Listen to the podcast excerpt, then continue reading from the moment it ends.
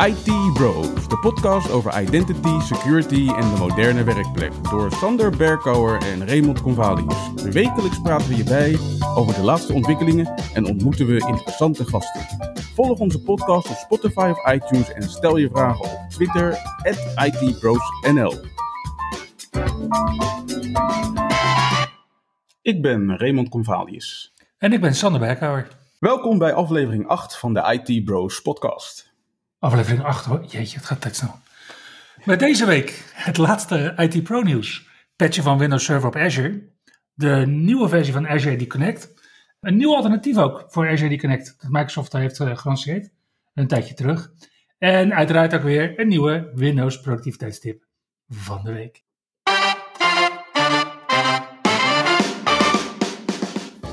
Ja, het nieuws van de afgelopen week, er was weer genoeg te melden. Nou ja, om te beginnen met uh, Edge.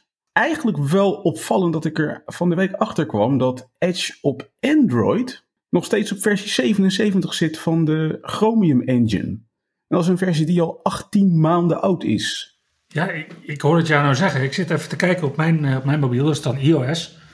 Maar ik zie hier zelfs nog versie 46 staan. Uh, ja, maar daar is wel een verklaring voor. Edge op iOS is namelijk niet gebaseerd op de Chromium Engine, maar dat is een schil om Safari heen. Dus het uh, iOS besturingssysteem dat is gewoon zo gesloten dat Microsoft daar niet even de Chromium browser in kon stoppen. En, en ze hebben dus uh, Edge gebouwd om Safari heen. En met versie 46 ben je prima up-to-date. En met versie 89, 90 en 91 op Windows ben je volgens mij ook helemaal up-to-date. Dan ben je wel up-to-date, ja. Zeker weten. Ah, daar hield het, het nieuws rond de Edge-browser natuurlijk niet op deze week. We zien namelijk ook dat de Edge-browser op Linux... Ja, Microsoft zet Edge echt op alles tegenwoordig. Echt te gek. Had jij gezien of de Edge-browser voor AS400 al was aangekondigd? Nee, hè? Nee. Nee, nee, die heb ik nog niet gezien. maar de Edge-browser op Linux die kan uh, sinds preview-versie 91.0831 kan die uh, instellingen synchroniseren met de browser, dus de Edge browsers, van andere platformen. Dus je favorieten verhuizen nu met je mee naar de Linux. Maar let op, dit werkt wel met je Microsoft account, nog niet met je Workers Crew account. Dat gaat ongetwijfeld binnenkort komen.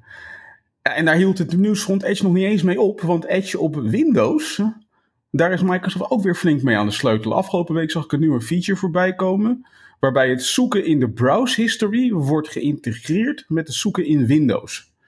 En alleen, ik ben er nog niet uit of ik daar nou blij van word, want persoonlijk zoek ik in de zoekfunctionaliteit van Windows vooral naar programma's of bestanden. En nu komt daar optioneel dus de historie van je browser bij. Je kan deze feature testen als je de Edge Canary versie draait op de Windows Insider Preview. Ja, ik heb, maar ik heb hier Microsoft wel een aantal keer over gehoord, over dat hele Microsoft Search initiatief. Dat je dus inderdaad ook je mail in de, gewoon in de search van Windows kunt terugvinden. Dat het weer echt een, een echte search wordt die je overal zoekt. Hoe pijnlijk of hoe fout of hoe privacygevoelig dat ook kan zijn. Het kan tot hele, hele pijnlijke situaties leiden, denk ik, in bepaalde gezinnen. Maar goed. Ja, tijd, tijd om de browser history weer te clearen. Word Online heeft er ook een nieuwe feature bij gekregen. Je kan nu van je Word-documenten een PowerPoint-presentatie laten maken. Met behulp van AI haalt Office de koppen en de keywords uit je tekst om er een presentatie van te maken. Op dit moment alleen voor mensen met een Microsoft 365 licentie en het werkt alleen nog maar met tekst. Maar je weet hoe het gaat met dit soort functies. Binnenkort met nieuwe functionaliteit. Ja, gaaf. Dan uh, ja, hebben we denk ik wel een beetje al het werkpleknieuws behandeld gaan we een stukje dieper de infrastructuur in. En twee weken geleden spraken we over VSphere 7 update 2. Mm En ja, ik voel me toch genoodzaakt om daar nog even terug op te komen. Want wat we namelijk zagen is dat die update 2 net naar de release is teruggetrokken. Er waren wat problemen mee. En ja, weet je, dat is gewoon niet de kwaliteit die ook VMware wil bieden. Deze week is die update opnieuw uitgegeven, dus beheerders kunnen alsnog los. Nou, terugkijkend op deze maand, in ieder geval tot zover kom ik tot de conclusie dat het voor onze beherende IT-pro-vrienden een zware maand is geweest. Updates voor Windows, Windows Server, Exchange Server, Edge. Twee keer. Twee keer, tot zover deze maand. F5 appliances, teruggetrokken updates, heruitgegeven updates, updates op updates. Ja, ga er maar aan staan. Dat is wel, uh, ja, ik, ik, vond het een heftige, een heftige maand voor deze vrienden. Maar voor een van die categorieën updates biedt Microsoft nu een nieuwe oplossing. In de cloud uiteraard.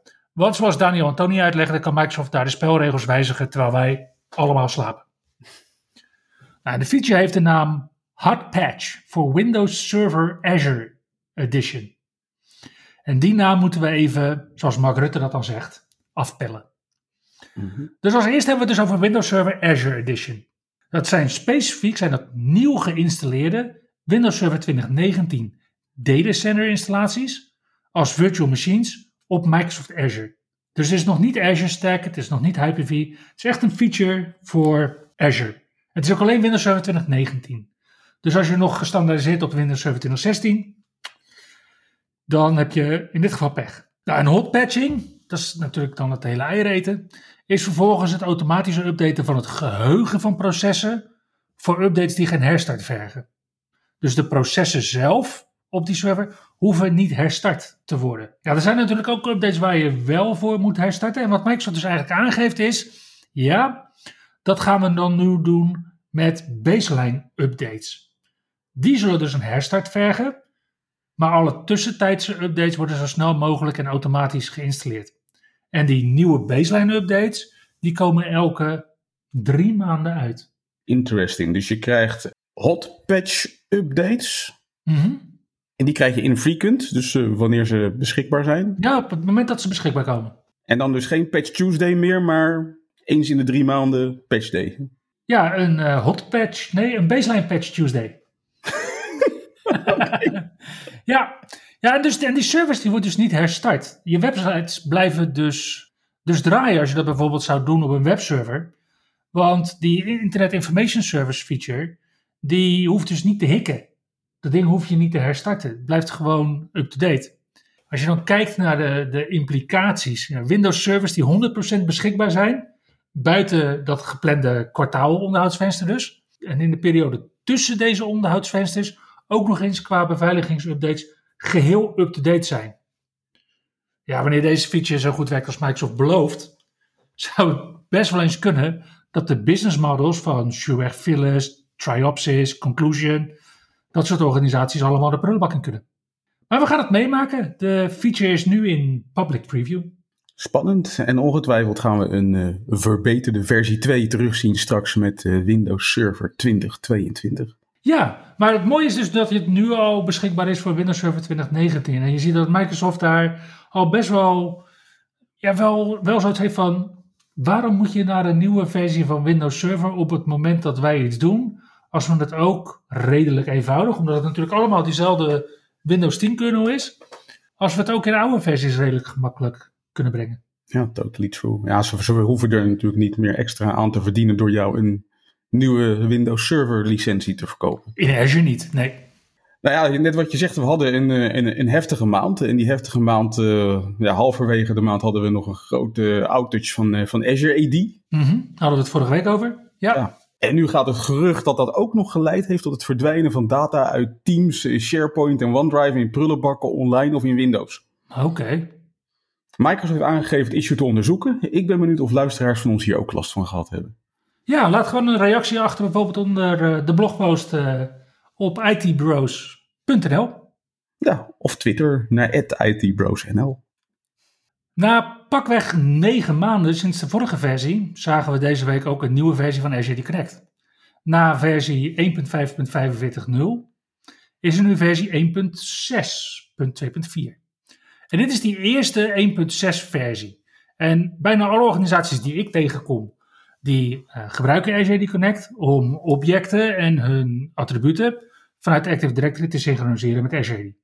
Nou, er zijn natuurlijk wel een uitzondering, maar de organisaties doen dat omdat op die manier medewerkers hun oude vertrouwde account kunnen gebruiken met Microsoft 365 diensten zoals Teams en Exchange Online.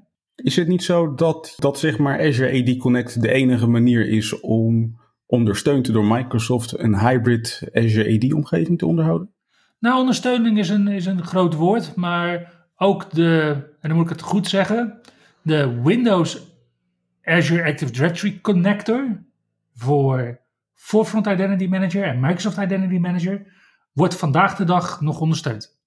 Dus het is niet de enige manier. En ja, we zien natuurlijk ook andere organisaties die bijvoorbeeld met Okta en dat soort dingen ook werken.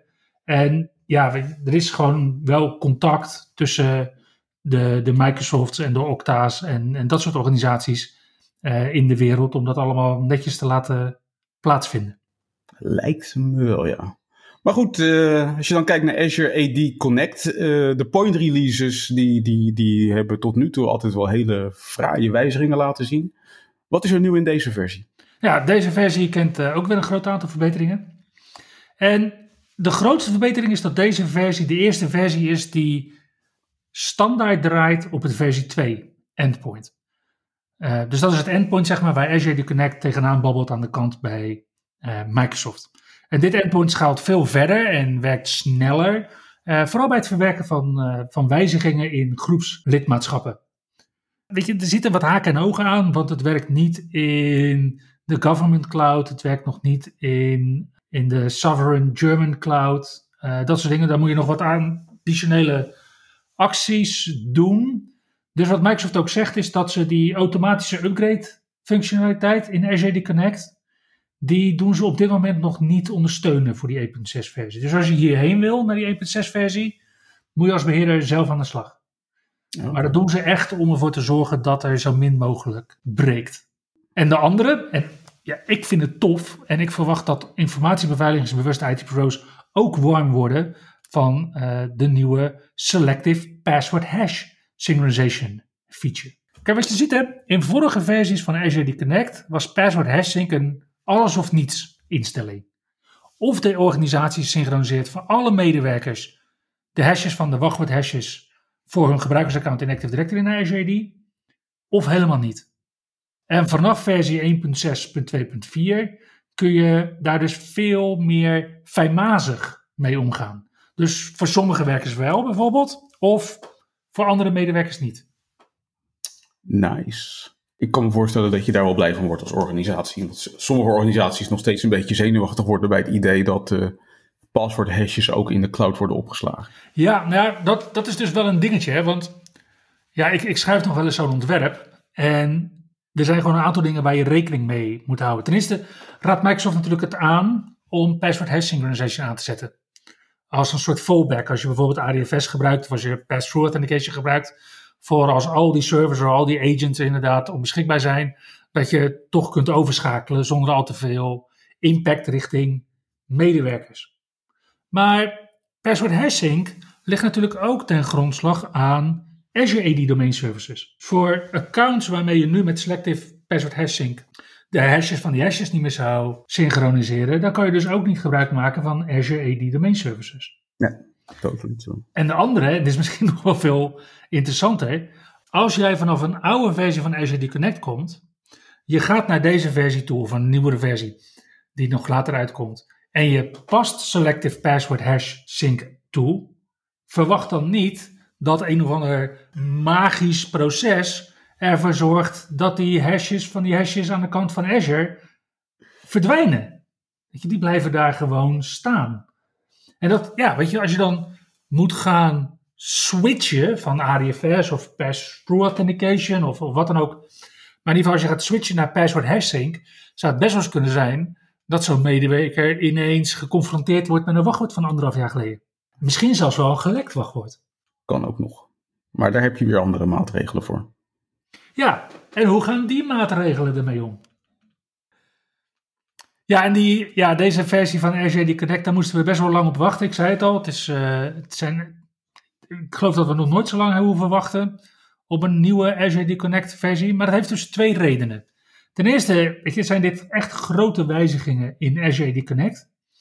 En daarnaast heeft het team de afgelopen maanden een enorme bergwerk verzet om Azure Connect Cloud Sync van de grond te tillen. En dat is het cloud-alternatief voor de on-premises Azure Connect installatie voor veel organisaties. Dus in plaats van een synchronisatieoplossing, een engine on-premises, kunnen organisaties gebruik maken van een door Microsoft beheerde een automatisch upgradende en natuurlijk vanuit de Microsoft datacenters aangeboden oplossing. En Azure Connect Cloud Sync ontbeert op dit moment een hele berg features nog ten opzichte van zijn on-premises broertje. Maar ja, één feature had deze versie wel gelijk toen het uitkwam. Selective hash synchronization misschien? Ja, Selective Password Hash Synchronization. Ja, het kan verder niet overweg met het MSDS Consistency GUID attribuut als source anchor. Het biedt geen van de writeback mogelijkheden van Azure Connect. Maar mocht je als organisatie de express settings van Azure Connect hebben gebruikt, weet je, dat is in die vier, vijf klikken dat je lekker je synchronisatie eh, opzet. Mhm. Ja, dan raad ik je als organisatie wel aan om Azure Cloud Sync te overwegen. En door meerdere Cloud Sync agents te installeren, kun je van de single point of failure uitdagingen van een eigen Azure Connect installatie afkomen. Ja, en dan is Selective Password Hash Synchronization wel mooi meegenomen. Maar eh, ja, organisaties die dus wat meer eisen hebben, die zullen volgens mij nog wel even bij Azure AD Connect installaties blijven. Ja, dat denk ik ook. Ja. Wat ik wel zie is dat Microsoft weer een belangrijke stap zet. Hoe bedoel je? Traditioneel gebruiken grote organisaties al decennia lang Active Directory on-premises. Binnen de muren van hun organisatie. En ze schroeven daar nu AD op door objecten te synchroniseren. Met een oplossing die dus ook on-premises staat. Waar ze volledige controle op hebben. Waar ze te pas en te onpas synchronisatiecycli kunnen aftrappen. Met, ja, wat ik nog steeds vind, een van de meest vette PowerShell commandments, namelijk start AD sync sync cycle. maar dat komt omdat we menen dat we die mate van beheerbaarheid nodig hebben. En Microsoft draait dat nu met Azure Connect Cloud Sync om. En Microsoft geeft daarmee eigenlijk aan dat je dat ook allemaal door Microsoft kunt laten doen. Net als eigenlijk alles wat je ze al in Azure AD laat doen. En wanneer een organisatie dat model omarmt, dan vind ik, dan omarmt de organisatie ook de gedachte dat Active Directory op het tweede plan staat. En ik vind dat een belangrijke stap richting het in ongenade vallen van Active Directory bij organisaties ten faveur van Azure AD. Het is een belangrijke stap, denk ik ook. Maar ik denk ook dat Active Directory nog wel even blijft. Want er zijn zo onnoemelijk veel systemen en applicaties gekoppeld aan, aan Active Directory. Dat het gewoon nog wel even duurt voordat je het allemaal omgezet naar Azure AD. En je er echt afscheid van kan nemen. Ja, maar ja, wat zou jij zeggen tegen een organisatie die zegt: Ja, we hebben nu 27 Active Directory forests. Laten we dat eens even allemaal gaan consolideren in de komende zes jaar. Ja, ik, uh, ik ben ook wel benieuwd wat voor uh, paddenstoelen die jongens hebben gegeten.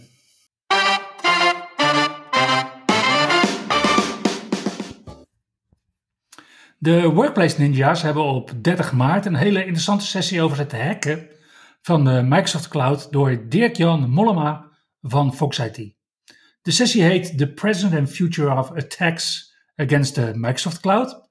En ja, dat is een ontzettend hip onderwerp.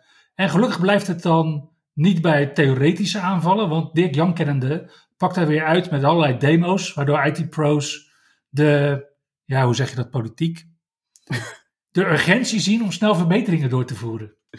Echt zo'n zo'n sessie waarbij allerlei bellen gaan rinkelen en uh, beheerders naar hun, uh, hun collega's stappen van uh, moeten we hier niet gauw wat aan gaan doen? Ja, ja met allerlei verschillende kleuren, drek, ja dat. Ja, nou goed, dan zou je ook merken dat er de komende week heel weinig evenementen zijn. En dat komt doordat wij hebben volgende week ons eigen exclusieve feestje. Dan is het namelijk tijd voor de Microsoft MVP Summit. Op dit evenement laten de Microsoft Most Valuable Professionals zich bijpraten door de product teams over de komende ontwikkelingen. Reuze interessant, met één nadeel: we mogen er niks over vertellen. Ja, uh, laten we er nu alvast maar niks meer over zeggen. Inderdaad. Stille week volgende week qua evenementen.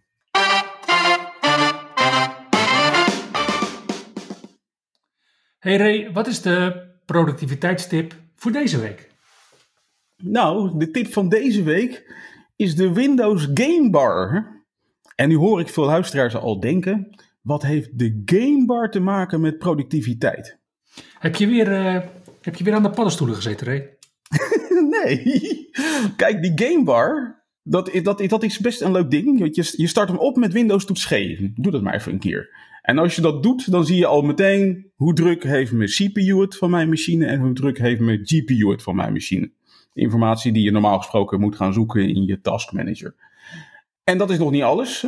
Want je krijgt ook meteen een aantal widgets in beeld waarmee je snel het geluid van je verschillende applicaties op je PC kan regelen. Je kan inputs en outputs voor audio en video selecteren. En daarnaast heeft de Gamebar één unieke feature in huis. Je kan er namelijk beeld en geluid van je scherm mee opnemen. En dit is een functie waarvoor veel mensen gewoon nog in de buidel tasten om bijvoorbeeld iets als Camtasia aan te schaffen. Uiteraard heeft de Gamebar daarnaast nog diverse functies om te integreren met de Xbox en haar ecosysteem. Ja, dus eigenlijk kun je hier als IT Pro best wel wat mee doen. Als je nou in de schoenen staat van een ondersteunende IT Pro, Ray, en je hebt de keuze tussen de Windows Game Bar en de Problem Steps Recorder, PSR.exe. Welke zou jij dan aanraden? Ik zou toch eerder kiezen voor de Windows Game Bar. Oké. Oké, ja, het is wel meer, meer interactief natuurlijk. Het is meer vloeiend. De PSR heeft geen video. Uh, maar de PSR-output is natuurlijk wel ge, gezipt. Ja, ja, het levert een kleiner bestand op. Is dat nog relevant, vraag ik me dan af. Vaak niet, of minder. Ik bedoel zeker niet als je het, de, de output van die gamebar, dat is een MP4 volgens mij, gewoon ergens kan droppen op Teams of SharePoint. Ik bedoel, ruimte zat zou ik zeggen om je videootje ergens eh, te droppen. En ja, ik vind de Problem Steps Recorder, het is toch gewoon een serie screenshots. Waarbij niet altijd voor mij even duidelijk is wat er nou precies gebeurt tussen die screenshots in. Ja. Ja, en plus je kan het natuurlijk niet gebruiken voor de blooper reel van je organisatie aan het eind van het jaar. Daar heb je ook wel een goed punt. Totally true. En van het einde van het jaar gaan we naar het einde van deze aflevering. Tot volgende week. Bedankt voor het luisteren en tot volgende week. Je luisterde naar IT Bros, de wekelijkse podcast over identity, security en de moderne werkplek. Abonneer je op Spotify, iTunes of Google Podcast als je de volgende aflevering niet wilt missen. Heb je hints of tips? Laat dan van je horen op Twitter. @itbrosnl.